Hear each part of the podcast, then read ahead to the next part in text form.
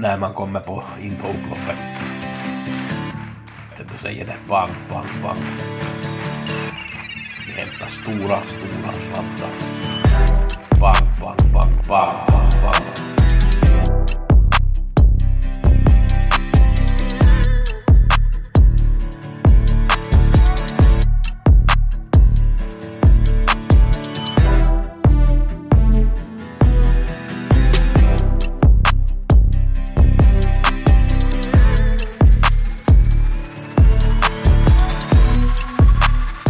Eh, Gustav Gusse Häger med julpodden eller vinterburstpodden, om man ska kalla den.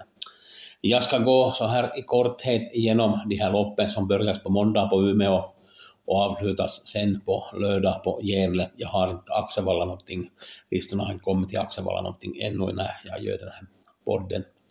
Vi går igenom lite vad de här omgångarna betalade i fjol. Jag ska kanske ha någon idé till varje omgång och jag går sådär allmänt igenom om den här banan. Uh, juldagen Umeå fjol gav tjuret 8500 kronor. Det är ju isbana, det är 184 meter upplopp. Uh, vi ska fokusera lite kring det här andra loppet som är 1640 och det är kallblod och de som har följt med mig vet ju länge att jag gillar att analysera kallblod. Det är egentligen fyra hästar som jag vill prata om här. Vi börjar med favoriten Technotana som jag har valt att ranka till fyra. Jag har inte med på de här tre bästa här. Den är nästan 70 procent, procenten kommer förstås att ändras. Jag gör det här på måndag på dagen. Det blir väl första gången i isbana. Hästen var ju bra när den vann senast, eller den var tvåa senast, det kommer man ju inte ifrån någonting. Det var ju Don Clara som fick gå i ryggen och hade allt ur i världen när den fick luckan där på upploppet. Det gick ju ganska fort där. Det Teknotana gick 26 och 7 sista varvet och det gick 24-25 fart där på upploppet. Men jag tycker som sagt den här första isbanestarten är ett frågetecken och så är jag inte alls säker på att hästen får spets. Jag tror att det är nummer ett, Nylander, som sitter i spets och den är 2 procent spelad.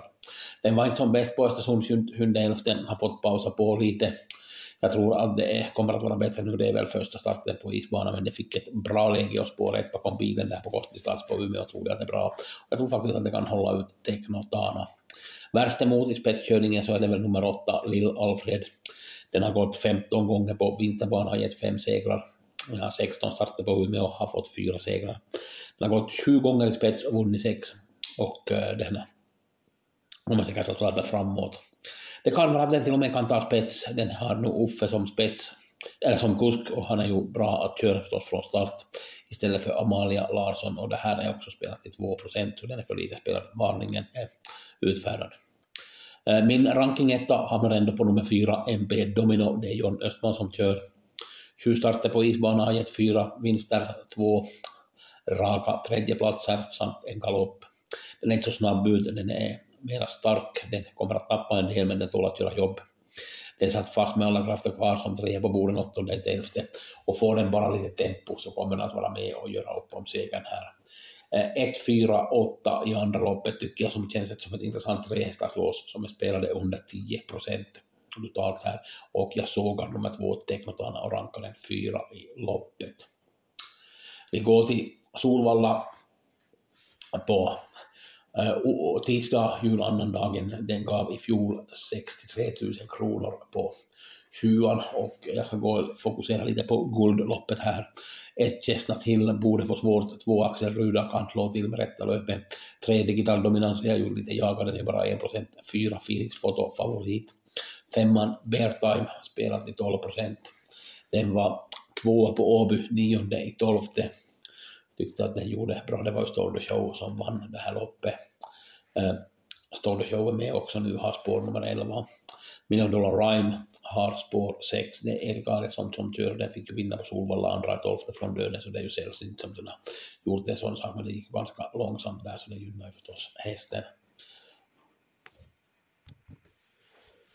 Sju Altion Face, Dante kör, åtta Arvid SO, Rumpeisov var ju riktigt bra senast. Det ser ut att vara ganska lite spelat. 10 Night Brodde borde väl ha framspår och 11 Stall Show.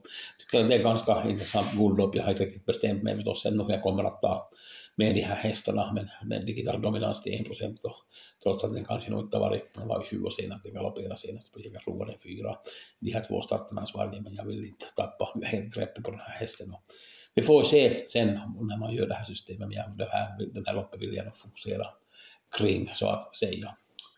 Så tar vi på onsdag har vi Momarken med det långa upploppet 240 meter och den gav eh, 165 000 i fjol på Tjuret så det var en ganska bra utdelning där på Momarken. Eh, jag har inte kollat någonting desto mer, det är ju den här Zaire Heldia som har varit bra i två raka vinster på Jarlsberg och Bjerke och på Solvalla senast så var den ju inte så riktigt bra, det blev lite småstrulig resa där, 29 delas den här Örjan körde.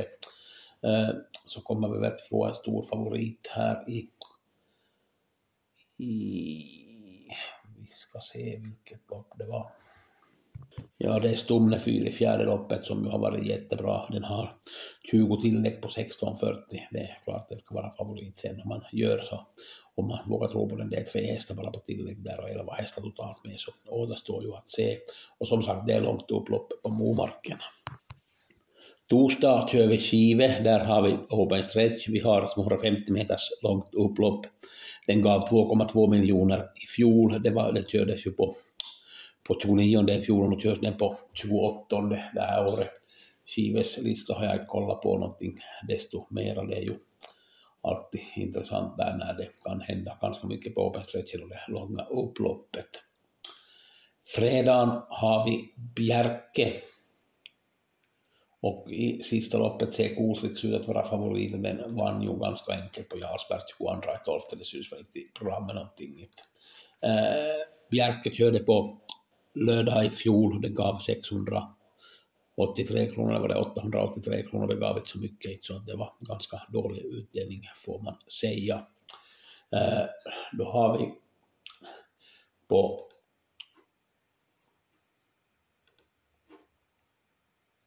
för det var fredag Bjerke och på lördag har vi Gävle och eh, det, i fjol så kördes ju som sagt lördagen på, eller på den 30 på, på Bjerke.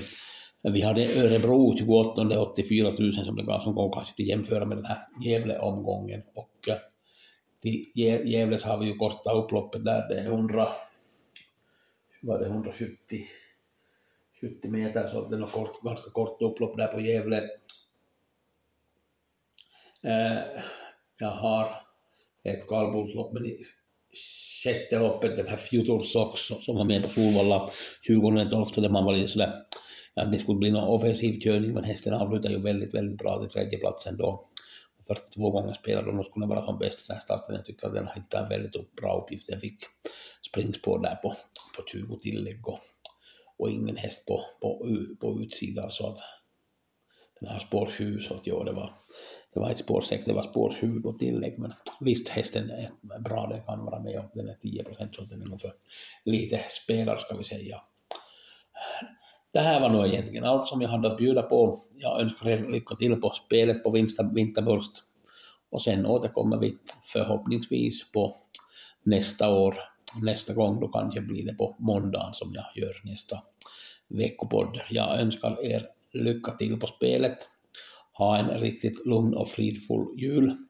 Ta det lugnt med snapsen och glöggen och vad ni nu än dricker och vad ni nu än äter.